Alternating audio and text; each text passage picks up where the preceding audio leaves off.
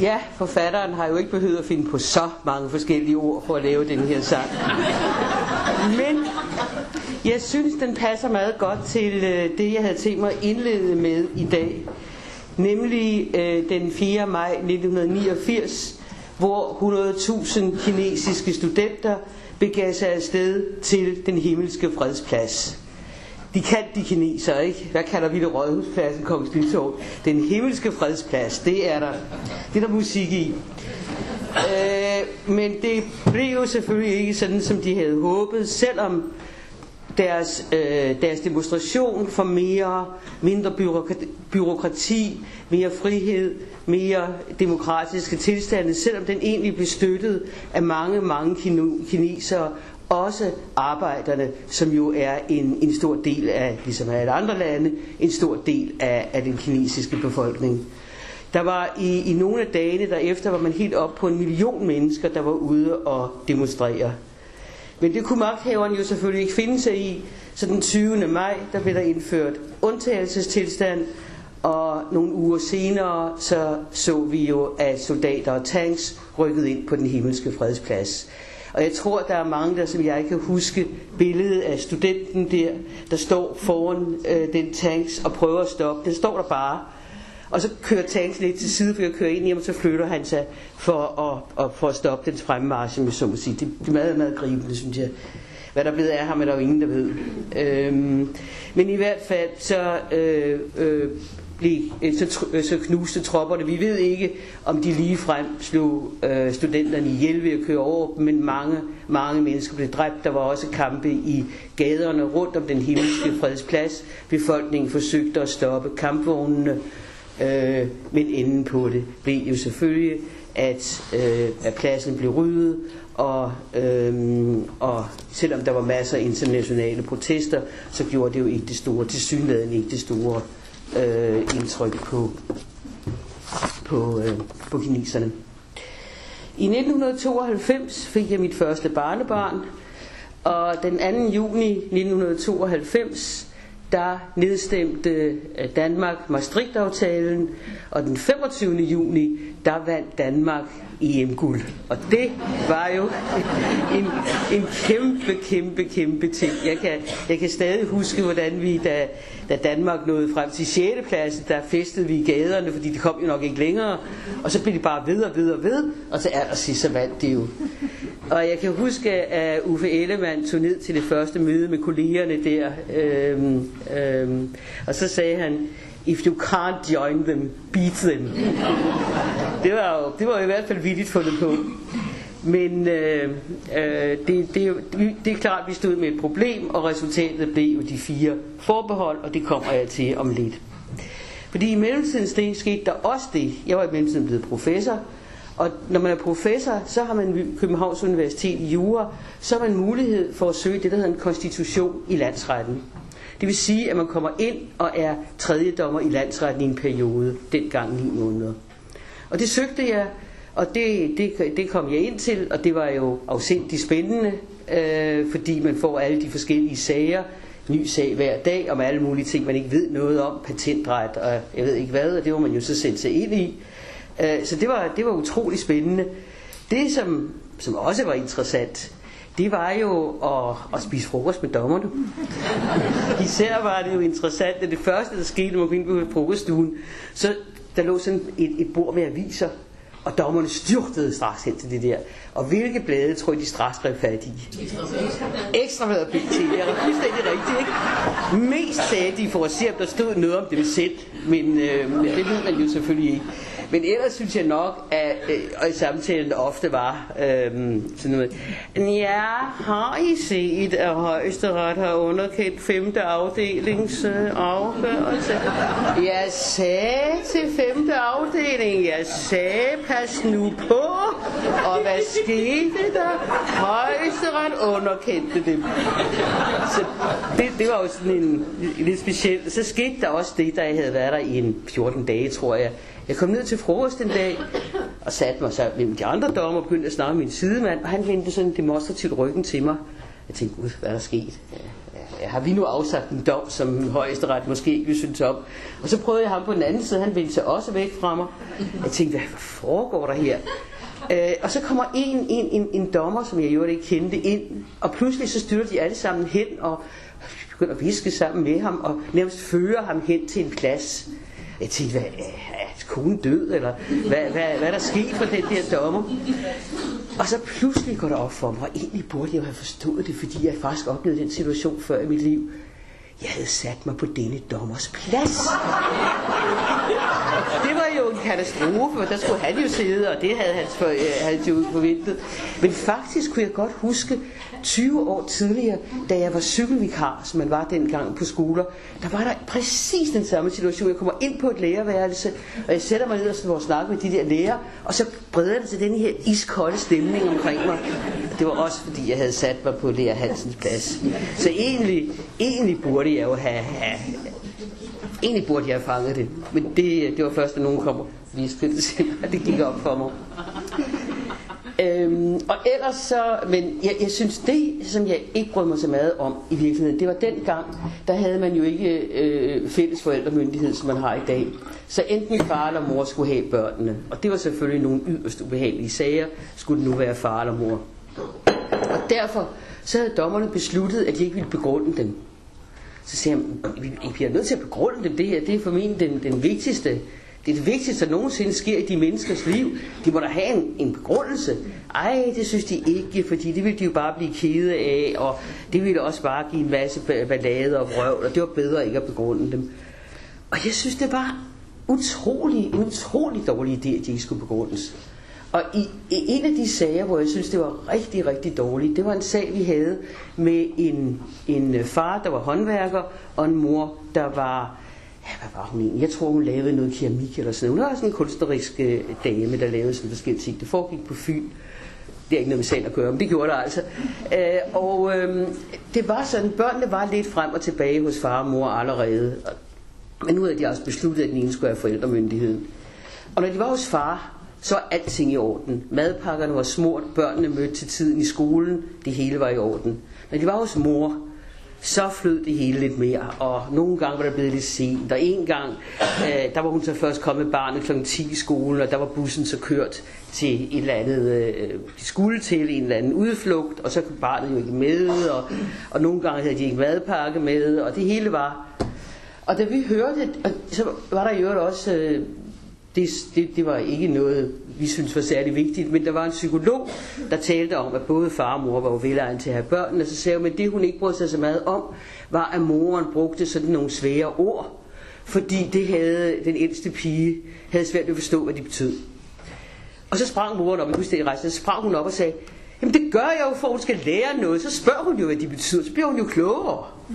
Ej, ja, sagde psykologen, ikke? Øhm, og vi synes jo også, at alle landstår, vi var helt enige med moren. Det var, da, det var da meget fornuftigt, det hun foretog sig der. Men vi endte jo alligevel med, fordi faren, håndværkeren der havde sagt, de må være hos deres mor alt det, de ved i weekenden. Jeg synes bare, jeg har bedre hold på deres liv i dagligdagen. Jeg kan bedre sørge for, at de kommer i skole, og de får deres søvn osv. osv. Og det var vi egentlig enige med ham i. Så det endte med, at vi gav ham forældremyndigheden med udvidet samvær med moren. Det synes jeg var en rigtig beslutning. Men moren var jo knust. Og øh, så fortalte, næste dag fortalte så retsformanden, hun havde ringet til ham og sagt, det er bare på grund af den der psykolog, jeg har gjort det der. Det er simpelthen så uretfærdigt, jeg har gjort det der på grund af den psykolog.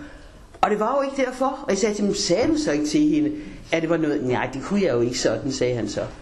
Jeg synes, det var sindssygt. Det var indrømme. Jeg synes, det var fuldstændig vanvittigt. Men, øh, men, men det var altså deres politik, og sådan, sådan gjorde de det. Så havde jeg i øvrigt den store fornøjelse, at øh, der var en sag, med en var der, som i øvrigt også handlede om børn. Den handlede om, øh, det, var, det, var, det var to drenge, og dengang der fik, var det jo typisk sådan, at der var to børn, så fik øh, faren forældremyndigheden over den ene, og moren over den anden. Og sådan havde de også gjort det. Her faren den ene, moren den anden. De var næsten jævnaldrende børnene. Og de havde så besluttet, at de to drenge skulle følge ad i deres liv, så derfor boede de 14 dage hos mor, og så 14 dage hos far, og 14 dage hos mor. Og derfor havde, havde øh, skattevæsenet sagt, at de, de penge, de betalte, øh, man betaler jo til de barn, man ikke har, om jeg så må sige, man betaler til underhold osv. osv. Det kunne de ikke trække fra i skat, fordi børnene boede begge steder.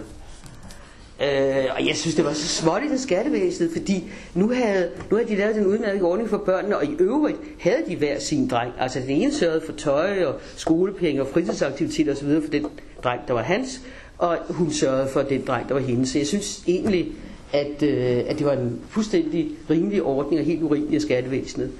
Men dommerne, faren havde været der først med sin sag, og dommeren havde allerede afgjort hans, og så skattevæsenet havde ret. Nu kom mor med præcis den samme sag, så det var jo ren rutine. Så det var bare mig, der var ny. Så jeg sagde, at det synes jeg er helt urimeligt. Og i øvrigt, hvad er det for noget vrøvl, at man bor to steder? Man kan ikke have to bopæle. Man bor et sted, det er der, man ser skat og så videre, hvis man er voksen, og skolepligt, hvis man er barn. Altså, de bor et sted, hos moren og hos faren. Og så er det rigtigt, så flytter de frem og, og bor lidt hos dem. Det må de vel selv om. Ja, det kunne de ikke se. Men jeg dissenterede så, og højesteret fulgte mig. Men desværre var jeg jo, altså det, det går jo ikke så hurtigt i, i domstolssystemet, så desværre så var jeg jo ikke længere i, øh, i uh, landsretten det dag. Det havde ellers været en fest at komme ned til frokost den dag. Men det skulle altså ikke være. Men der var så også en anden ting, som jeg jo blev meget, med opmærksomhed på, mens jeg var der. Og det var det med lægdommerne. Lægdommer dengang, der havde man nævninger og domsmænd. Der har man stadigvæk. Men systemet var lidt anderledes. Dengang, der øh, var der 12 nævninger, og de deltog kun i de sager, hvor anklagemyndigheden havde påstået mere end fire års fængsel. Det er altså alvorlige sager. Det er drab, det er brændstiftelse, det er terror, det er øh, alvorlige narkotiske forbrydelser og sådan noget. Og så var der til gengæld, da der nu var de 12 lægdommer, så var der kun én behandling, nemlig i landsretten. Domsmænd derimod, de deltog både i byretten og i landsretten. Og så var der også den forskel, at nævningerne voterede alene om skyldspørgsmålet. Altså de sad, de 12 mennesker, alene og besluttede, om folk var skyldige eller ej. Mens når der var domsmænd med, så sidder dommer og domsmænd sammen. Og det er jo klart, at når, når dommer og domsmænd sidder sammen, så har dommerne bedre hold på de der mennesker. Det, det siger sig selv. Altså, det er jo klart, at hvis man er i tvivl, så lytter man til dommeren, der har været dommer i 20 år, og ved noget om de her ting. Øh, så, så der var mindre styr på nævningerne. Man vidste jo ikke helt, hvad de kunne finde på. Øh, og det var, det var også, jeg, godt, jeg synes også, det var frustrerende, at man kommer til det helt afgørende punkt i retssagen, skyldspørgsmålet så går en cykelsmed og en gymnasielærer og nogle andre folk, der ikke har nogen forstand på jura, ind og afgør det, mens vi dommere sidder der udenfor og glor på den lukkede dør. Det var, det var dybt irriterende og frustrerende, og jeg kan huske, at, man, at de andre dommer gik ned, ned, op og ned ad gulvet og sagde, hey, hvad finder de dog på derinde, hvad finder de dog på? Og nogle gange, så kunne nævningerne kunne tilkalde retsformanden, hvis der var et vanskeligt juridisk spørgsmål, og det gjorde de så af og til. Og så gik han jo ind, og når han kom ud, så stemlede vi jo sammen og sagde, hvad spurgte de om, hvad spurgte de om, hvad var det, de ville vide, ikke? Og jeg, jeg, kan huske, at der var en af, af de der dommer, der sagde til mig, hey, jeg hader det der, de går derind, og så, og så, ja, så går jeg altid ud og ser på deres overtøj. Og hvis der så hænger sådan en masse af de der rygsække, du ved, tænker jeg, åh, oh, oh, nej, tænker jeg, det er en frifindelse.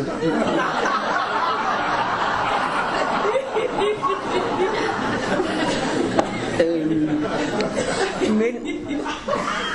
så sker der selvfølgelig det, at øh, der er jo to problemer ved, ved det, de her nævningedomstol. Den ene er, at der kun er én behandling, og den anden er, at der ikke er nogen begrundelse, fordi det kan man ikke rigtig bede nævningerne om. Det vil gå i øst og vest, og det vil være alt for nemt for, for forsvarerne at, at skyde dem ned og sådan noget. Det kan man ikke. Så der er ingen, og de, de to ting sagde man, det skal vi måske have gjort noget ved, fordi det er jo, altså, der er også noget med menneskerettigheder og sådan noget, man skal have to behandling og begrundelse og så videre. Så blev nedsat et udvalg med en masse dommere, og hvad tror I, de fandt på? De fandt på, at fra nu af, så skulle der være to nævninger, de alvorlige sager, to behandler, en i byretten og en i landsretten, og nævningerne skulle ikke votere alene, de skulle votere sammen med de juridiske dommere. Øhm, og jeg var, jeg var virkelig, jeg synes det var så synd, at man ødelagde systemet den måde. Også fordi det ligesom gav øh, dommeren lidt mere respekt for lægdommeren, de er til at komme i den situation med nævningerne. Så jeg synes, det var synd, og jeg mener, det der kunne jo klares uden, at man havde en fælles votering. Det der med begrundelsen kunne man jo, det er alligevel sådan, at man sætter sig sammen og vurdere, skylds, og vurdere strafudmålingen, og der kunne dommeren jo hjælpe med en begrundelse. Ikke? Så det, jeg kunne slet ikke se, at det var nødvendigt, det der. Og øh, det kunne, og dertil kom, at jeg også synes, det var på kanten af grundloven, for grundloven taler om, at nævninger skal medvirke. Og nævninger i grundlovens forstand dengang, det var, øh, det var en, ju, en jury, som vi kender fra engelsk forbillede, og de afgør altså skyldspørgsmålet alene. Og det er også den måde, man forstår jury og nævninger på internationalt. Altså internationalt siger mine kolleger, de siger, I har ikke nævninger i Danmark mere, det er domsmænd, for de afgør ikke skyldspørgsmålet alene. Øhm, så jeg var, jeg var meget ked af, at det der skulle ske. Øhm, og det var min, min kollega Sale, synes også, det var dårligt. Det var enig med mig, det med grundloven. Og vi blev så sammen med to jurister, der var for det system, kaldt op til Folketingets retsudvalg, hvor vi skulle gøre redde for vores synspunkter. Og det gjorde vi så. Og så til sidst, så jeg synes egentlig, det gik meget godt. Jeg tænkte, jeg godt ved, at de laver den der øh, lov alligevel. Men så til sidst, så er der en af dem, der siger til, øh, og desværre spørger han ikke mig, han spørger Sale, min, min, min meget ærlige øh, kollega der, han siger til ham, øh, hvad tror du, at hvis man nu laver det her system, tror du så, at det vil blive underkendt af højesteret? Og så siger Sale jo, Nej, det tror jeg faktisk ikke. Og det er jo også rigtigt, det ved det jo ikke. Fordi høj, højesteret synes jo, at de andre dommer, det er en rigtig dårlig idé. Ikke? Men hvis han nu havde spurgt mig, så ville jeg have sagt, ja, det kan man jo ikke vide. øh, fordi det er, altså jeg mener jo, det er grundlovsstridigt, og det er jo noget, som, som øh, højesteret går meget op i. Men desværre så spurgte de altså min, min, øh, øh min sandhedselskende kollega der. Og inden på det blev, så at nu har vi ikke længere nævninger. I dom, vi har nogle, vi kalder nævninger, men vi har ikke rigtige nævninger mere. Øhm, så når vi så frem, mens jeg stadigvæk sad i, i landsretten i øvrigt til den 18. maj 1993, hvor der skulle være afstemning om de fire forbehold. Og øh, som nogen af jer måske husker, så var det jo lidt der, øh, hvor vi tabte, hvor, øh, hvor jeg også synes, at demonstranterne tabte deres uskyld.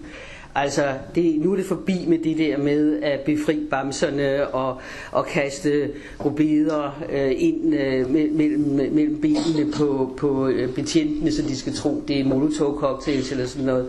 Det, den tid er forbi. Nu blev der virkelig kastet med brosten, og mange betjente blev såret, og betjentene endte også med at skyde med skarpt imod demonstranterne. Det var jeg synes, det var en sørgelig dag, øh, hvor, hvor dansk politi faktisk skød mod, med, mod, øh, med, med skarp mod, mod vores egne børn, om jeg så må sige. Men de, de bar sig også ad på en måde, så, så, så betjentene øh, i, i et vist omfang også var nødt til at beskytte sig selv. Øh, og jeg kan huske, øh, men det var, det var jo rent, det var rent tumult, masser af mennesker blev arresteret, og alle de der sager kom jo også ind til os i landsretten som, som ankesager, og man kunne sidde der og kigge på sagerne og se, at hov, de to piger har været sammen, den ene er blevet løsladt, den anden er blevet arresteret, det kan jo ikke hænge sammen, og, og, og, og sådan nogle ting. Det var rent, det var rent kaos den, den, den dag. Øhm, siden har vi jo ikke haft de så alvorlige, heldigvis så alvorlige demonstrationer, hvor der har været nødvendigt for politiet at, at, at gribe til våben på den måde. I 1993 øh, fik vi så også afgjort i Tamilsagen. Og for dem, der ikke kan huske, hvad den drejede sig om, så er det sådan set en meget simpel sag. Den drejede sig om, at der var en række øh, tamiler, som var er en, øh, en, øh, lille, øh, en lille, lille etnisk mindretal i, i Indien, eller er det Pakistan, det kan jeg ikke huske. Det er Sri Lanka. Et lille mindretal på Sri Lanka. De var kommet hertil og havde fået, øh, og havde fået asyl. Og så havde de, jo, havde de jo ret til efter loven at få deres familie herop. Men Nin Hansen tænkte ved sig selv. Der bliver snart fred der nede på Sri Lanka, og så er der jo ingen grund til, at vi øh, med stor besvær og, og masser af penge bringer, der, bringer deres familie herop. Så kan de jo bare rejse hjem til deres familie, når der nu bliver fred igen. Øhm, og hvor han havde fået den opfattelse fra, det er der ikke rigtig nogen, der ved, men det var i hvert fald hans opfattelse. Og han påstod også, at han havde givet den videre til Folketinget, det var der ingen, der kunne huske. Øh, men han sagde i hvert fald til sine embedsmænd, nu venter vi, læg nu de der familiesammenføringer i bero, fordi vi regner med, at der bliver fred dernede. Og det gjorde de så. I en tid i hvert fald. Og, øh, men som tiden gik, blev det jo mere og mere åbenbart, at det var lovstridigt ikke at behandle de her familiesammenføringer. Det er klart, hvis man havde haft en ordentlig begrundelse, hvis man havde sagt, vi vil gerne sende øh, en, del af de her tamiler til Nørresnede for eksempel. Det er en lille by. Vi vil gerne have tid til at forberede folk dernede og have nogle ordentlige boliger til dem og sådan noget. Så har der jo været en grund. Men det der med, at man bare lod være med at behandle sagerne, fordi ministeren mente, at der nok snart ville blive fred, det var jo ikke så forfærdeligt godt. Øhm, og det endte faktisk med, at lederen af, af, øh, af udlændinge, udlændingestyrelsen, han satte selv de der, øh, satte dem selv i gang til at det kan ikke noget det her. Og departementchefen, som egentlig skulle have snakket med ministeren, han forklarede jo senere, Ja, men jeg sagde det mange gange til Nina Hansen, men det var som om han ikke hørte det. Og jeg kan lige se ham sidde der og stige ud i luften og vifte det der jeg, kan, jeg kan lige se det for mig. Men det kan jo ikke nytte noget. Man er jo nødt til at tage action, når man er embedsmand. Og det endte så med Tamilsagen, hvor en øh, kommission, skulle, som var ledet af en dommer, skulle forsøge at afgøre, hvem der havde fejlet i denne sag. Og den øh, dommer, synes jeg, øh, som man havde valgt fra højesterets side, jeg synes, han var meget, meget hård. Han skød på alt, hvad der rørte sig. Altså, han, for eksempel havde han sådan en, øh, en, en, en, en fast sætning, som han brugte over for en masse af de underordnede embedsmænd med, det kan ikke med absolut sikkerhed fastslås, at NN har gjort sig skyldig i en embedsforsømmelse. Det synes jeg er altså en hård etiket at hæfte på et ung menneske, der er på vej øh, frem i, i, i sin karriere. Og man kan jo ikke gøre noget. Hvad skal man gøre ved det? Det kan man jo ikke gøre noget som helst ved. Hvis han har sagt sådan, det kan man jo ikke anlægge en sag og sige, det, det er ikke rigtigt. Det er hans vurdering. Det kan man jo ikke gøre noget ved.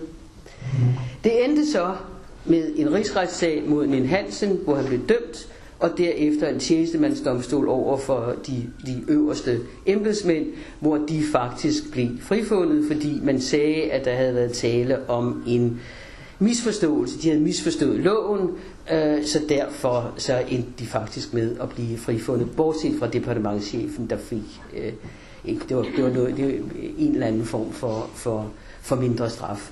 Og man kan sige, at det var en meget mærkelig måde, det endte på, fordi øh, der sidder de der embedsmænd i Justitsministeriet med langt højere eksamener end Nien Hansen, men de har misforstået lovgivningen desværre, mens, mens han bliver dømt. Altså, men på den anden side var der jo ingen, der var i tvivl om, og der var ingen tvivl om, at det var Nien Hansen, der, der gennemførte det her og, og, og trak embedsmændene med sig. Og det man må sige er, og det er jo sådan set det sørgelige, at denne her sag har trukket lange blodspor efter sig, fordi der er simpelthen ikke den samme tillid fra politikernes side til embedsmændene længere. Og det synes jeg jo er, er rigtig trist. Øh, det må jeg sige. Øh, fordi øh, det, det er altså det er som om embedsmændene heller ikke rigtig kan komme igennem med, med, de, med de savlige argumenter over for politikerne. Politikerne er, er tonedøve, ligesom den Hansen eller hvad det nu er, og hører ikke øh, de, ting, de ting, man siger til dem. Så øh, jeg, jeg synes, det er sørgeligt, jeg, jeg er bekymret for, for vores retssikkerhed, hvis, hvis, eller hvis politikerne ikke vil høre efter, hvad Justitsministeriet siger til dem. Det må jeg sige. Det kommer jeg også lidt, lidt mere ind på senere. Der sker så også det i 1996, at jeg bliver formand for det kriminalpræventive råd, og det er helt frem til 20, 2012, 17 år, så der må man jo sige, at jeg har været der i lang tid. Øh, desværre sker der det, øh, det er igen en af de ting, jeg ikke rigtig har kunne gøre noget ved, øh, selvom jeg har prøvet, at udviklingen ændrer sig fra, da jeg, da jeg træder til, der, går, der gælder det om at hjælpe de kriminelle, hjælpe dem ud af det, de nu er kommet ind i, prøve at få dem tilbage til samfundet, når de har udstået deres straf, øh, og især prævention i forhold til de unge, så de slet ikke kommer ind i kriminalitet. Men tankegangen er gået til, at øh, det er ikke så vigtigt at hjælpe, det er vigtigt at straffe, og jo mere vi kan straffe, jo bedre. Og det, det synes jeg er, er trist, men, men øh, det, der er nok det er en trend, vi ser over hele Europa, og det er... Øh, altså alle ved jo, at straffe ikke hjælper, men, men der er ikke rigtig nogen, der, der, ja, der er ikke nogen politikere, der tænker, at øh, det er jo det, folk vil have, og så må vi hellere give dem det.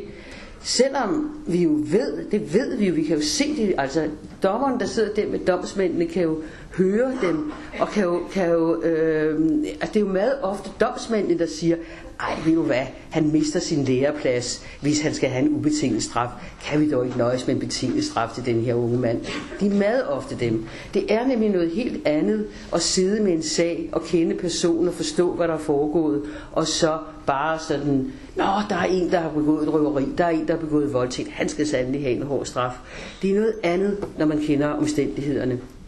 Der er jo også lavet en, en øh, undersøgelse, Flemming Balvi har lavet en undersøgelse, hvor han forsøger at give almindelige mennesker bare sådan en ganske kort referat af, hvad sagen drejer sig om en halv side, hvor man for eksempel forklarer, at der er en ung mand, og hans piger er slået op med ham, og så sidder han alene, og så sidder der nogle unge ved et bord, og, og griner, og så tænker han, ej, de griner af mig, og så går han over og siger, griner I af mig, og de vender bare ryggen til ham og snakker videre, og så smækker han en af dem ind. Men det er jo vold mod sagesløs, og det skal man jo have en, en straf for naturligvis. Men når man forstår den unge mands situation, så ser man måske lidt anderledes på det, end når man bare læser om det i avisen.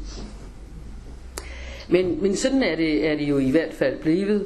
Øh, selvom øh, min, min kongstanke, da jeg kom ind i kriminalpræventive råd, for så også da jeg gik ud igen, var, at vi skal have fat i børnene så tidligt som overhovedet muligt. Vi kan jo, de af os, der kommer i vuggestue og børnehave, vi kan jo se de unge, Vi kan jo se dem allerede nu. Det er lille Markus, der slår de andre børn, og ikke vil være med til fælleslejen, og tager deres legetøj, og spytter og krasser osv. osv. Det, han ender jo, og, og, og hvem kommer ikke til forældremøderne? Det gør lille Markus' forældre ikke, for de gider ikke komme og høre på alt det vrøvl, der altid er omkring, at, at Markus driller de andre børn. Så derfor så bliver han i en tidlig alder skubbet ud til siden, og det kommer bare til at fortsætte i skolen, indtil han en dag sidder som 16-årig og, og i, i, for første gang i retssalen, og så kigger man ned på tilhørpladserne, og der sidder måske en pædagog, men man ser aldrig, aldrig far og mor nede på tilhørpladserne. Og det synes jeg simpelthen er så sørgeligt. Jeg synes, det er så synd for de børn. Øhm, og jeg forstår ikke, altså, når de først er blevet 15-16 år, så giver vi bruger vi en million om året på en sikker institution, som vi kan putte dem ind i, hvor vi, hvis vi havde stillet noget op, da de var børn, havde hjulpet de forældre med at være ordentlige forældre, så kunne vi have gjort det for en, for en, en hundreddel af de penge. Men altså, sådan, sådan er det, øh, og øh, det, kan, det, kan, det er meget svært at gøre noget ved. En ting har vi dog gjort, som jeg synes har været, været rigtig god, fordi hvis I spørger de unge selv, de unge, der kommer ind i kriminalitet, hvad de, hvad de forestiller sig om fremtiden, så siger de jo ikke, at jeg kunne tænke mig at køre rundt i en Mercedes med tre blondiner på, på bagsædet. De siger, jeg vil rigtig gerne, jeg kunne godt tænke mig at blive mekaniker, så kunne jeg godt tænke mig at få en lille lejlighed og en lille bil og en kone og et par børn. Altså en ganske, en ganske beskiden lille drøm har, har, har den der unge. Men der er lang, lang vej. For typisk så har de jo ikke kommet meget længere til 5. klasse i skolen, så er de begyndt at skulpe. Så der er lang vej til at blive mekaniker. Og noget af det, som øh, vi, har, vi, har, vi har gjort i det kriminalpræventive råd, som jeg er glad for, det er sådan en mentorordning, altså hvor et voksen menneske tager ansvaret for den unge og bliver den forældre, som han aldrig nogensinde har haft.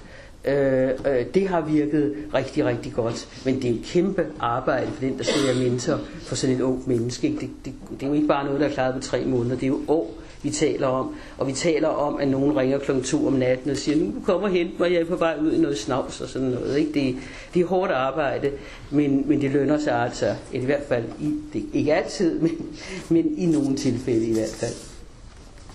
Jeg har også... Øh, jeg sad engang i et udvalg, hvor, hvor vi snakkede om, hvad vi skulle gøre med de der stærkt belastede unge.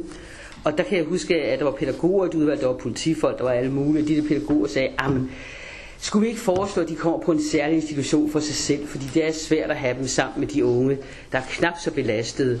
Øh, de påvirker min dårlige retning og sådan noget. Og der kan jeg huske, det var politifolk, der slog i bordet og sagde, nej, kraftedme, vi opgiver ikke en 16-årig. Jeg siger, han kan bare ende i et liv i kriminalitet. Vi må finde ud af et eller andet, så vi også kan hjælpe dem, der er, der er svært belastet og kommet langt ud. Og det synes jeg egentlig, det var jeg ret imponeret. Jeg var ret imponeret af politiet ved den, ved den lejlighed, må jeg sige.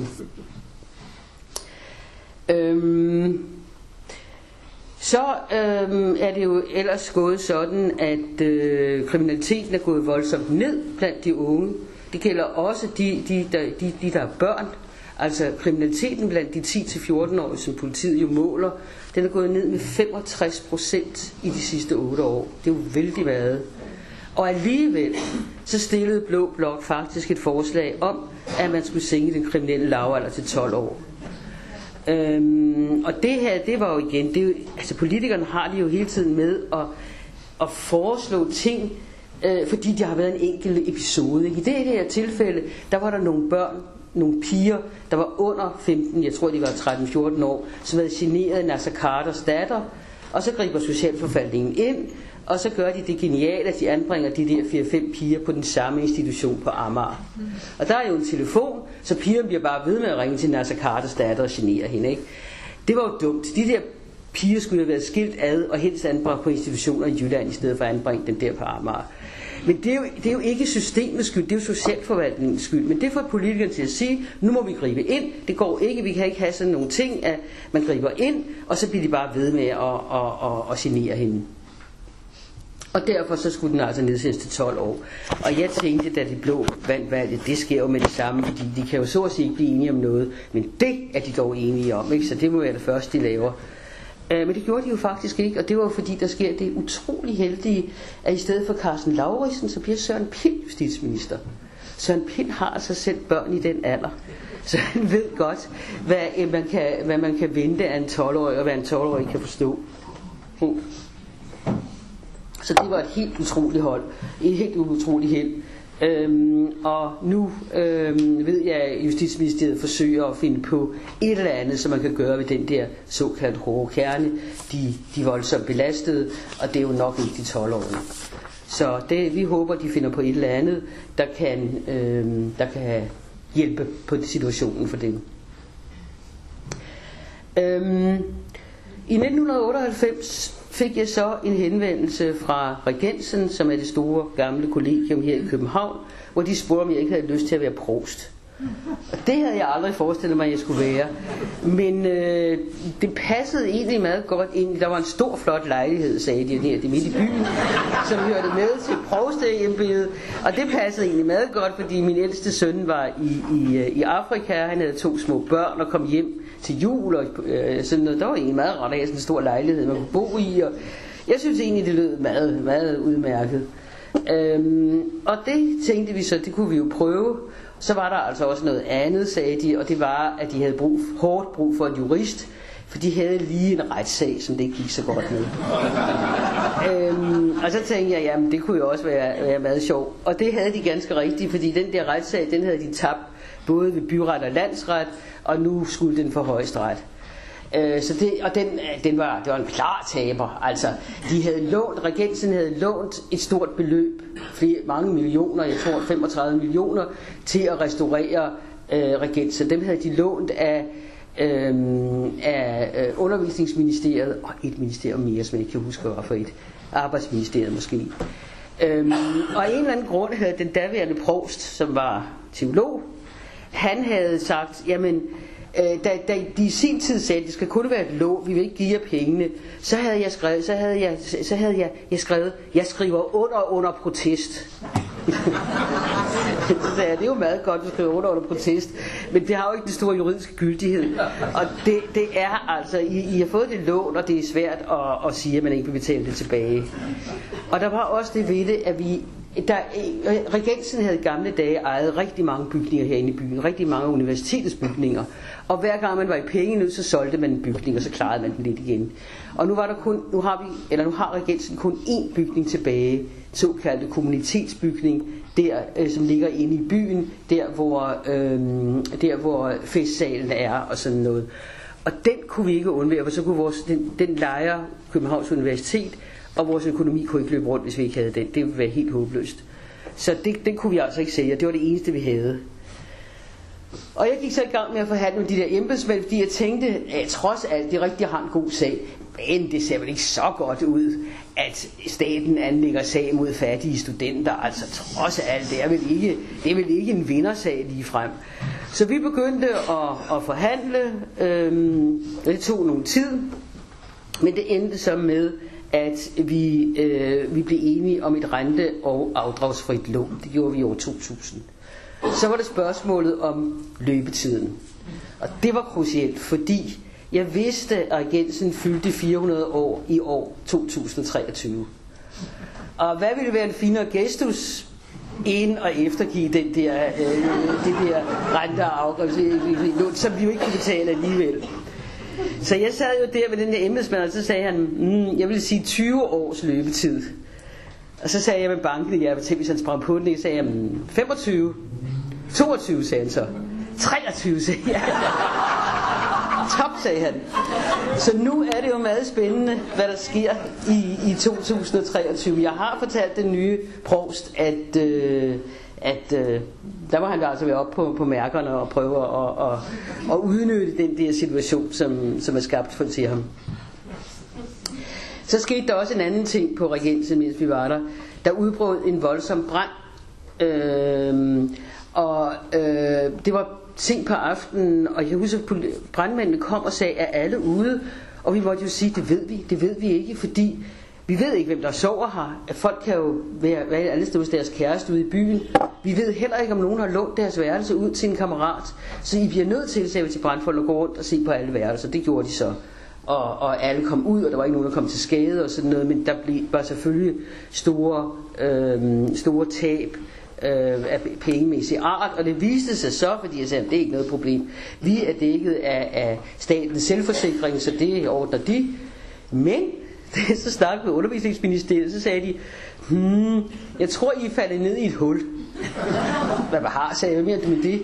Ja, sagde han, altså for nogle år siden, der holdt vi op med det der selvforsikring og sagde, at alle institutioner skulle forsikre sig selv. Men jeg tror, vi glemte at sige til jer. det gjorde I jo. Ja, og så gik de jo så med til, at, øh, at de så måtte betale i denne omgang. Men sagde de, for fremtiden må I forsikre jer selv.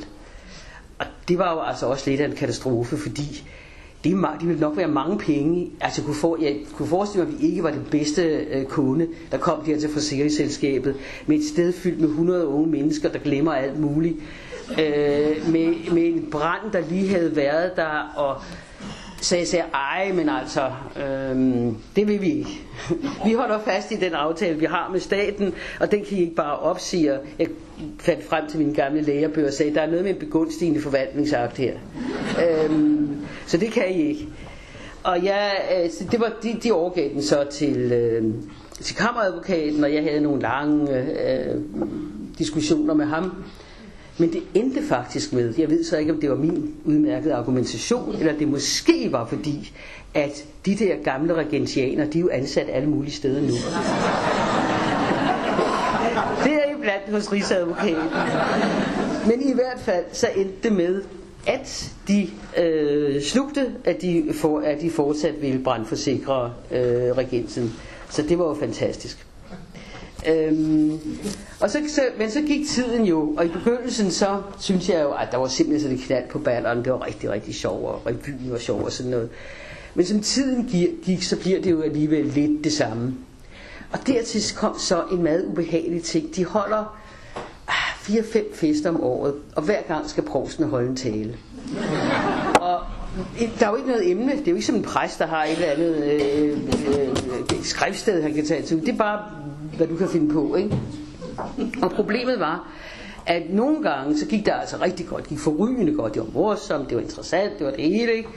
Og så kunne jeg jo høre, at de viskede sammen, ikke? og sagde, næste gang skal det og det med. Ikke? Og så når, når det næste gang, så kunne jeg give de der snakke med deres venner og sige, I må endelig komme væk til at høre provsten tale. Det er forrygende godt, ikke? Og det var et kæmpe, kæmpe pres, fordi det er altså, det skal være forrygende godt en gang til, ikke? Øh, så det endte altså med, at jeg efter syv år sagde, at nu, nu troede jeg, nu troede jeg sådan set, at jeg havde været der længe nok. Og jeg synes også, at jeg havde gjort min pligt, klaret deres retssag og lagt det til rette. Og jeg havde jo også fået, fået indsamlet 35 millioner til en ny renovering af regensen. Så jeg synes egentlig, at, øh, jeg havde gjort det godt nok. Det måtte være fint. Så jeg forlod regensen, Øh, og det tror jeg, at mine børn var glade for, fordi de synes på en eller anden måde, at vi tilbragt for meget tid med alle de der studenter, i stedet for at bruge vores tid på dem. Øhm, så blev jeg også øh, formand for bestyrelsen for Københavns Retshjælp, og det var jeg meget, jeg synes jeg var meget ærefuld, at jeg blev bedt om det, fordi jeg havde hørt meget om den hjælp, de, de gav rundt omkring, og jeg havde jo også selv erfaring fra det. Vi havde nemlig en gang, øh, en gang var der noget, der hed øh, studenternes babysitters. Det var ikke studenter, det var som regel nogle ældre damer. Men øh, dem ringede vi så også af og til, øh, når, når børnene skulle passe. havde vi så også gjort, og havde fået sådan en ældre dame. Og så sætter hun sig efter børnene er lagt i en lænestol og læser i en bog. Og der er så en, en standerlampe. Den standerlampe var gået i stykker. Og den havde vi så repareret med tape. Og der er det med tape, at det bliver jo træt, ikke? Altså på et eller andet tidspunkt. Og det var så netop, da hun sad under den der, så faldt de ned, og så ødelagde de hendes briller. Øhm, og så sagde jeg, ah, men ved du hvad, det anmelder jeg til mit forsikringsselskab, fordi her er jo både kausalitet, det er jo åbenbart, det er jo den, der falder ned over brillerne, og der er en kvans, fordi vi skulle have tænkt på, at tape, det kan jo ikke holde til evig tid. Så der øh, er det en klar skade, hvor vi øh, øh er, er, øh, det er vores skyld, så det, der må vi kunne få, få øh, penge til de her briller. Jeg sendte et fint brev til dem og skrev om kausalitet og adekvat. Jeg var lige færdig med første års kurs, det vidste jeg alt om. Om sanden, om forsikringsselskabet ikke tillid til at sige nej. det mente de ikke var dækket af det der. Og så sagde jeg til, til øh, den gamle dame, så prøv at gå ned i retshjem, Jeg har hørt noget om, at de kan... Og så går de der ned, så skriver retshjælpen et brev på deres brevpapir med stort set de samme begrundelser som jeg. Og øjeblikkeligt kommer pengene med posten. Ikke? Det synes jeg jo. Men jeg var fyldt med veneration. Jeg tænkte, det er jo fantastisk, at de kan klare de der ting. Øhm, og det, som jeg er allermest glad ved i virkeligheden med, med, med, ved retshjælpen, det er, at de har tid. Altså, de har faktisk også tid til at fortælle folk, når deres sag er håbløs. Altså mange af de folk, der kommer op til os, de er løbet fra Herodes til Pilatus. De synes, de har en god sag. De kan ikke forstå, at der ikke er nogen, der kan hjælpe dem. Men de har faktisk tid til at sætte sig ned og sige, nu skal du bare høre. Loven er skruet sådan sammen, at det krav, du har, det kan altså ikke, det, det hjælper ikke noget. Det kan, vi, det kan vi ikke, lovgivningen i Danmark kan ikke hjælpe dig, desværre. Og den, det er bare det, der bliver forklaret for dem, gør jo, at de går derfra med, med øh, en, en, en, øh, en vis tilfredshed. Det kan jeg også se ja, øh, især i byretten kan man se, hvis dommerne gør sig den ulejlighed lige at forklare folk, hvad det her drejer sig om, så er de tilfredse, og så øh, uanset at de har tabt sagen, hvis de forstår hvorfor, hvis de kan se, hvad, hvad baggrunden er for det, så kan man godt leve med det. Men den der mangel på forståelse, det er den, der, der, der ødelægger dem. Så øh, er jeg jo så efterhånden også dels som jeg står her, som, hvad, hvad, hvad var det, øh, indlederen sagde så smukt, det er mit næst sidste foredrag på denne jord, men altså, men man bliver jo ældre, øhm, og i mange år, så tænkte jeg, ej, ej, ej, altså, der er jo nok tid til, det kunne være, at jeg skulle prøve noget andet og sådan noget. Det kan godt være professor, der kan være andre ting. Så da jeg kan huske, da jeg blev 40, så tænkte jeg, ah, det er godt, det ikke er 50. Og da jeg blev 50, tænkte jeg, ah, det er godt, det ikke er 60. Da jeg så blev 60, så var det sådan lidt svært at sige, hmm, godt det ikke, ah ja, jo, jo. Øhm, og måske var det derfor, at da jeg lige var blevet 60 år, at jeg fandt på, at jeg ville bestige Kilimanjaro.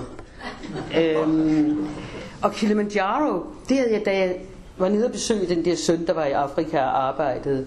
Der fløj vi hen over Afrika, og så en tidlig morgen, så øh, kiggede jeg ud af vinduet på flyet, og der lå op over, op over skyerne, fuldstændig skydække, der steg så det her bjerg. Øh, og jeg husker, jeg synes, det var sådan noget meget dragen og flot ved det der bjerg. Og så nogle år senere, så sad jeg og læste sådan en brochure et rejseselskab, der hed De fem højeste tinder i verden. Og der stod så, at Kilimanjaro kunne man spacere op på. Og tænkte jeg, det viste sig så at være en sandhed med modifikationer, skulle jeg sige. Men det var dog ikke nødvendigt at have en hakke med og alt det der. Altså, det, det var det ikke. Det, det er rigtigt. Men lige Ja, okay. Nå, men så ville jeg jo gerne op på Kilimanjaro, og jeg spurgte min søster, om hun ville med. Hun plejede at sige, at min mand har to kunstige knæs, det kunne ikke noget. Min søster tænkte, hun vil nok gerne med, hun er jo eventyrlysten. Men hun sagde, hvad? Op på et bjerg så højt op, man får åndenød, man bliver dårlig, ikke tale om. Det har jeg overhovedet ikke lyst til. Og så prøvede jeg med mine børn, men de havde, ja, men de skulle jo arbejde, de havde deres små børn, og de havde det ene, og de havde det andet. Og til allersidst, så lykkedes det mig i anden omgang at få Katrine til at tage med mig, fordi hun tænkte, at hun kunne lave noget arbejde på vejen. Hun kunne nemlig lave en radioudsendelse om den der tur op til Kilimanjaro, som hun også lavede, og så kom til at hedde Evas Vilje, øh, og som sikkert ligger et eller andet sted ude i... Øh. Men så var der jo nogen, der sagde, at vi skulle træne. Altså for det første sagde alle jo, Katrine skal nok komme op på bjerget. Du kommer aldrig op i det. Øh, men i hvert fald ikke, hvis du ikke træner. Og jeg snakkede med min læge, og han sagde, jeg ved det bedste, du skal gøre. Du tog til Rigshospitalet, så går du hele vejen op ad trapperne. Og derefter går du hele vejen ned ad trapperne. Det gør du en tre gange om ugen, og så gør du det 10 gange. Og tænkte jeg, okay. så gik jeg derud, da jeg kom til 6. sal, så tænkte jeg, ej, der må være, der må være en nemmere måde at tjene på, øh, at træne på det Og så øh, begyndte jeg øh, at gå nogle lange ture med min søster. Jeg synes, også nogle rigtig lange ture, og sådan, jeg tænkte, nej, det går meget godt, det her. det skal nok gå. Men så mødte vi jo det, hold, det der hold, der skulle til Kilimanjaro. De, de, de traf hinanden sådan ved en sammenkomst. Og der kunne jeg jo se, at ikke alene var jeg langt den ældste, men de andre, der var to soldater med.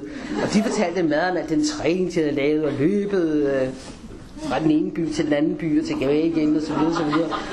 Og der var to unge piger, der havde bestiget, jeg ved ikke hvor mange bjerge, og det var nu det her ved at øh, creme eller creme og så videre.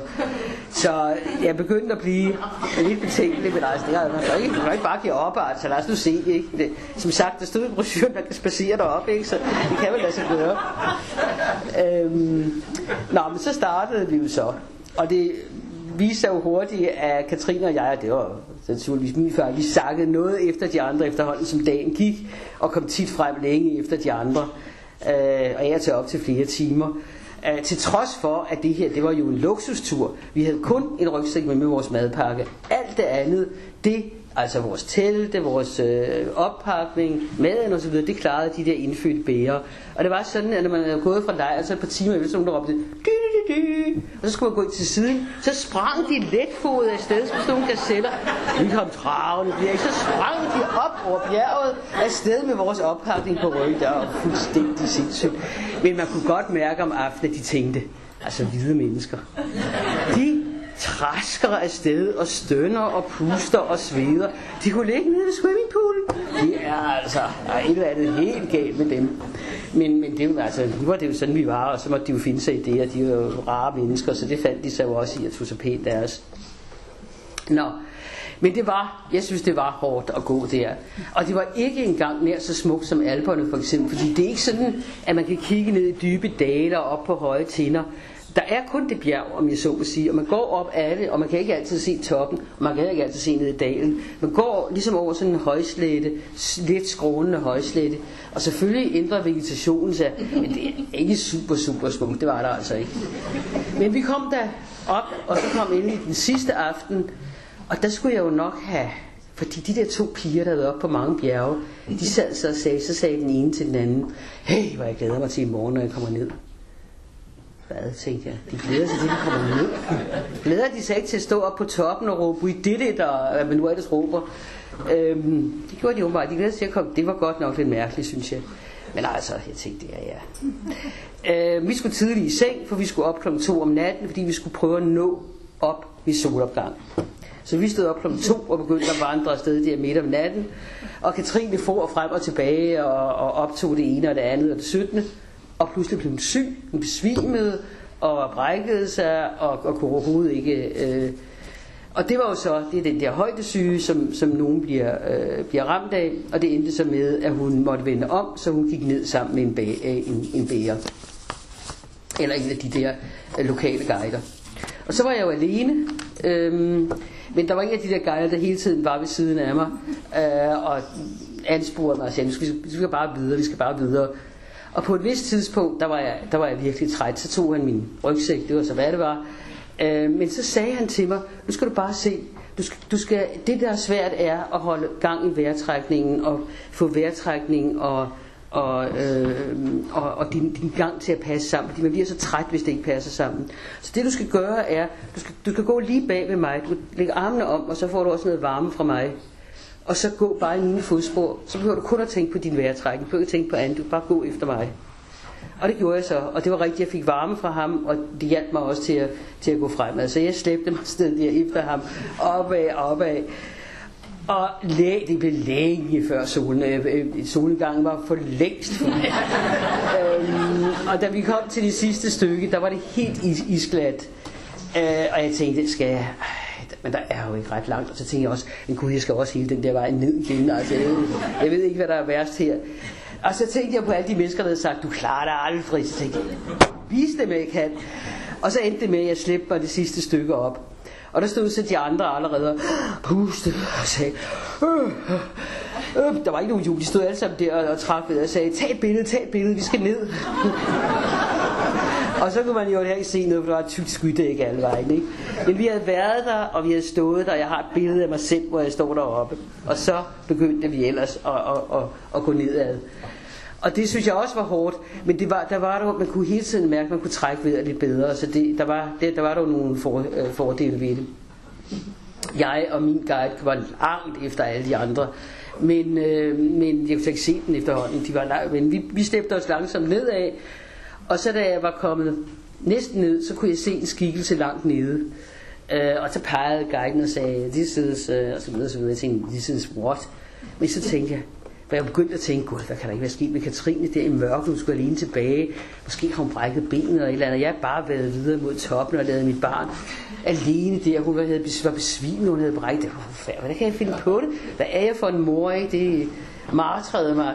Men så kunne jeg jo se, at den lille skikkelse langt, langt, langt dernede, det var faktisk Katrine. Og det var jo en stor glæde at, at, at se hende igen. Så det var skønt. Det var rigtig dejligt.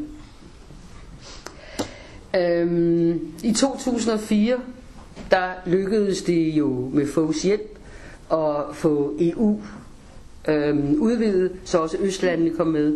Og for, for os, som ligesom havde fulgt det der, var det jo, jeg synes det var, jeg synes, det var kæmpe sejr. Jeg synes det var vidunderligt, at Østblokken nu var en del af det fælles Europa. Jeg synes det var så stort det, i dag kan man måske se lidt anderledes på det, men dengang, der synes jeg, der synes jeg at det var rigtig, rigtig stort. Øh, I 2005 kom så øh, Muhammed øh, øh, øh, tegningerne. Og baggrunden var, jo, baggrunden var jo meget mærkelig. Baggrunden var jo, at der var en mand, der ville udgive en skolebog, og han hævdede, at han havde spurgt en række tegnere, og de tog ikke tegne Muhammed. Og så bragte Jyllandsposten jo en, en række andre historier, blandt andet en historie om, at nu havde muhammedanske forældre krævet på et skolebibliotek, at man skulle fjerne Peter Plys. Winnie the Pooh, den mest elskede børn i England, den skulle fjernes. Hvorfor skulle den det? Hvad er der galt med den? Hvad kan muslimer have imod? Plyslingen. Plyslingen. Grislingen, kære venner. Plysses ven er jo en lille gris. Øhm, og det var jo, altså, der, der var fyldt med historier af den art, men jeg har prøvet at snakke med mine engelske øh, venner og spurgt dem, har I nogensinde hørt om den der historie? Det var der ingen, der havde. Jeg har også spurgt, spurgt øh, Jyllandsposten, hvor er jeres baggrund for den historie? Jamen, det var noget, de havde hørt. øh, men så kom jo de der 12 tegninger. Og det, der var mærkeligt, synes jeg ved dem, altså jeg kunne forstå, hvis man havde haft øh, fem tegninger, og så syv hvide felter, hvor man kunne skrive, her bad vi en tegner tegne mur, men det tog han ikke. Men man havde 12 tegninger. Alle så tegne med. Altså, what's the point? Øh, nogle af dem synes jeg i øvrigt er ret sjove. Altså der er en, hvor Pia Kærsgaard og forskellige andre står i sådan en, en, øh, en, en, en øh, identifikationsparade, ikke? Og så står der og siger, hmm, jeg kan ikke lige finde ham, ikke? og der er også den der øh, med, med drengen, hvor der står Muhammed 12 år, Valby skole, hvor han skriver noget øh, på arabisk på, på tavlen, og det han skriver er, Jyllandspostens redaktion er nogle fascistiske provokatører. Men det vidste Jyllandsposten ikke, da de, da de, øh, da de, lavede, da de lavede den der tegning. Det synes jeg var sjovt. Men så var der også nogle af de andre, som, altså, som, var, ren, som var ren mobling af, af, af, efter min mening, var, var ren mobling af, af muslimer. Og jeg husker, der var en læge, der ringede til mig og sagde, at han, han havde tre børn. Han var, han var muslim, han prøvede, han var glad for, at de voksede op i det her frie, demokratiske land. Men han var ved at være træt af, at der hele tiden, hver eneste dag var der nyt om muslimer. På det tidspunkt, der havde der i den uge været dels Jyllandspostens tegninger, så havde en DF-kandidat påstået, at hun var blevet overfaldet af nogle indvandrere. Det var der ikke noget belæg for, sagde politiet. Så havde en skoleinspektør udtalt, at han ville i hvert fald ikke have en lærer på skolen, der var muslim eller homoseksuel. Altså, der var ikke andet, sagde han, så han tænkte sådan set på at, at øh, at emigrere til England med sine børn, for han synes, han synes det her var, var for surt. Øh, og jeg, jeg var enig, jeg synes også, jeg synes også, det var, øh, jeg synes også, det var mobning. Og jeg synes, øh, at det blev helt sort, da Fogh ikke ville modtage de der 11 ambassadører. Altså, de er simpelthen uhørt. Når en ambassadør, og der er 11 ovenkøb, beder om et møde, så siger man, rend og hop. Her i, i landet har vi ytringsfrihed. Han kan da sætte sig ned med dem og drikke en kop kaffe og forklare dem, hvad det hele drejer sig om. Men bare sige, at han vil ikke møde dem, det var altså simpelthen så uforskammet. Øhm, og øh, så var der jo en arabisk avis, der sagde, nu ville de så lave nogle tegninger, der gjorde grin med, med holocaust, altså jødeudryddelserne. Og ham der Flemming Rose, der havde trykt mur, han sagde, bare kom med dem, dem trykker vi. Så kan jeg huske, at hans redaktør sagde, nu tror jeg, at Flemming Rose trænger til ferie. øhm, og jeg må indrømme, at øh, det rendte sig med, at Rigsadvokaten ikke rejste sag, selvom der står, midt, der står der de tegninger, og midt i står der, at muslimer må finde sig i hån, spot og latterliggørelse. Og der skriver øh, Rigsadvokatens redegørelse, det er ikke en rigtig gengivelse af den danske rejstilstand, men han synes alligevel ikke, at det her var, var slemt nok til, at det var en overtrædelse af straffeloven. Øh, og det er det måske heller ikke, og det var måske også klogt på det tidspunkt, hvor vandene var ved at til ro, at man ikke øh, rejste sagen igen. Men jeg synes, må jeg indrømme, at det var en skamridning af ytringsfriheden med det der. Hvis, hvis min lille pige kommer hjem fra skole og siger, mor de andre kalder mig brilleabe, så ringer jeg til læreren, så regner jeg jo ikke med, at hun siger, ah, men det er da fint, børnene bruger deres ytringsfrihed, sådan skal det være her i Danmark. Jeg går der ud fra, at hun tager en snak om, hvordan man taler med hinanden, og hvordan man, øh, øh, men desværre er det jo blevet sådan, at øh, jo grovere det er, jo mere forsvarer man ytringsfriheden, og det synes jeg godt nok er sørgeligt. Selvom nu ser det ud som om tingene ændrer sig lidt. Øhm, I hvert fald er, er, er DF lidt i tvivl om, de nu er de store forkæmper for ytringsfriheden længere. Så det kan jo blive rigtig interessant at se, hvordan det udvikler sig. Ja, nu slår klokken, kan jeg høre. Yes, så det var det for i dag.